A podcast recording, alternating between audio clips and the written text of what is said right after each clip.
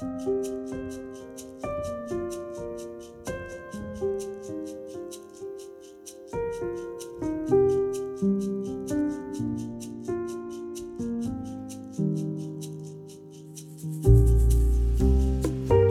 menighetsleder er det fristende å skape et innendørsklima, der høye stemmer og kritiske røster regnes som et problem.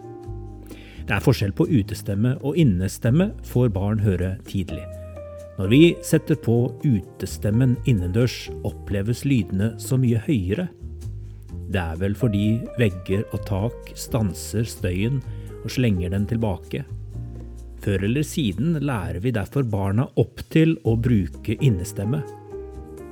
I møte med både barn og voksne kan vi bli så redde for utestemmer inne at helt nødvendige lyder blir borte. Noen barn lærer seg å snakke så lavt at ingen lenger hører dem. Mange fortsetter med det som voksne. Som menighetsleder er det fristende å skape et innendørsklima innad i menigheten der høye stemmer og kritiske røster regnes som et problem. I sommer har jeg reflektert mye over reaksjonene i avisspaltene og på sosiale medier etter terrorangrepet i Oslo 25. juni. Angrepet som særlig rammet det skeive miljøet og skapte frykt og utrygghet, sinne og fortvilelse. Det er fullt forståelig at følelsene er sterke. Jeg orker ikke å være stille, jeg skal være tydelig og høylytt, det skylder jeg alle mine søsken som ble beskutt, jeg orker ikke å la terrorister eller andre med skadelige holdninger vinne over den kjærligheten som ligger i oss, skrev for eksempel Alex Ramstad Døsvik i Vårt Land. Han er transaktivist, kirkerådsmedlem og prestestudent.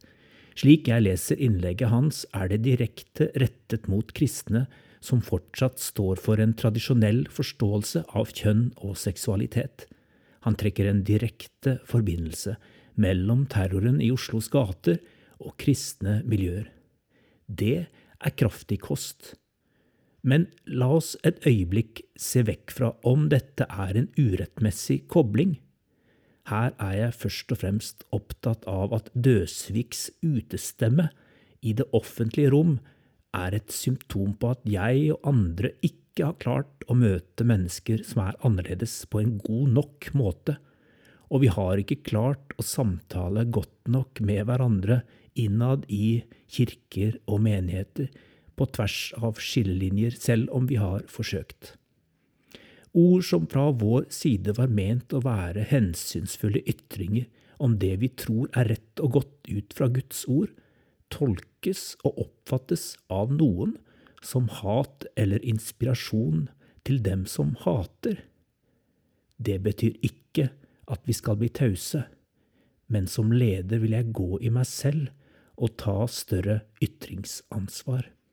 Jeg funderer over hvorfor mennesker i kirker, forsamlinger og organisasjoner ser ut til å foretrekke å rope til hverandre utendørs, der nyansene forsvinner i vinden.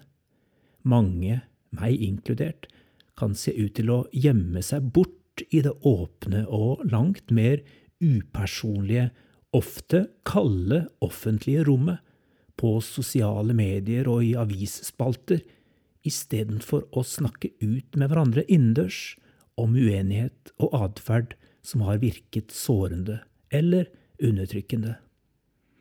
Jeg er smertelig klar over at det er vi som er øverste ledere i menigheten, som bærer det tyngste ansvaret for å dyrke god samtalekultur i våre fellesskap. Er det lov til å uttrykke uenighet? Kan man undre seg, uttrykke tvil og gruble over vanskelige spørsmål før man forlater fellesskapet, eller kan det bare skje etterpå, når miljøet er kommet på avstand? Sagt på en annen måte, er det tillatt å bruke utestemme inne, eller er det tryggere å rope i offentligheten?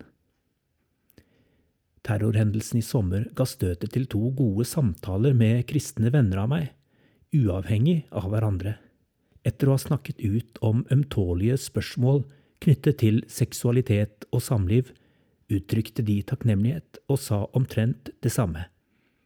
Det er ikke så mange å snakke med om dette i menigheten der jeg går.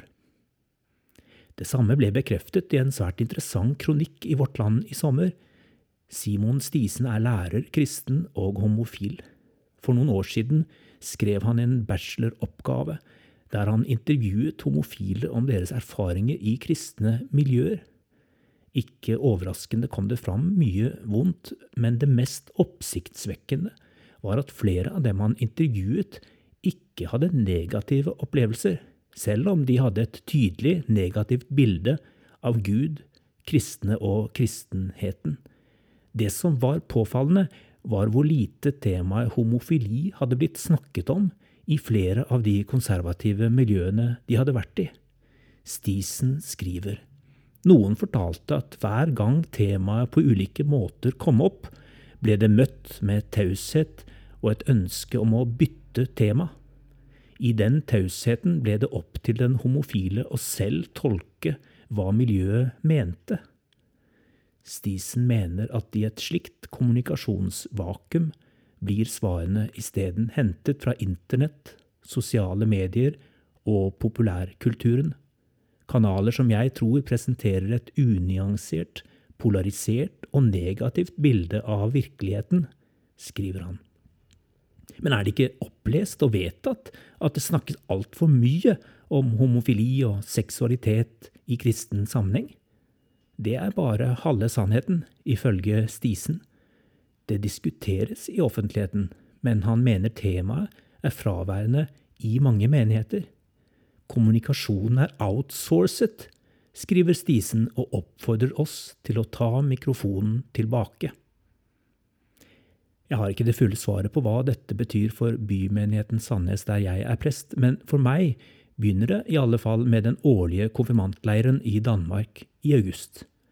Der kommer ofte de vanskelige spørsmålene til overflaten når konfirmantene får lov til å stille presten anonyme spørsmål på lapper, eller hvis noen ledere inviterer meg inn på sitt hus for å bidra i trossamtalen. Da er jeg på hellig grunn. Hvilke ord bruker jeg?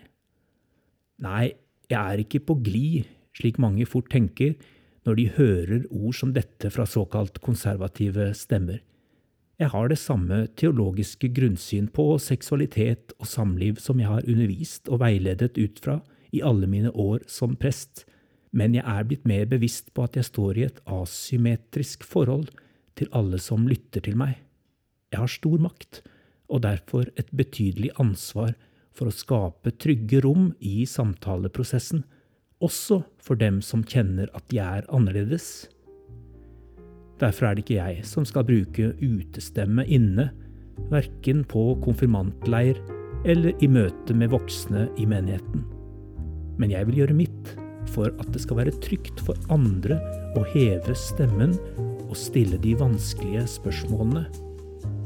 Det er nesten utelukkende bedre å snakke sammen enn å fortie vanskelige temaer eller outsource dem.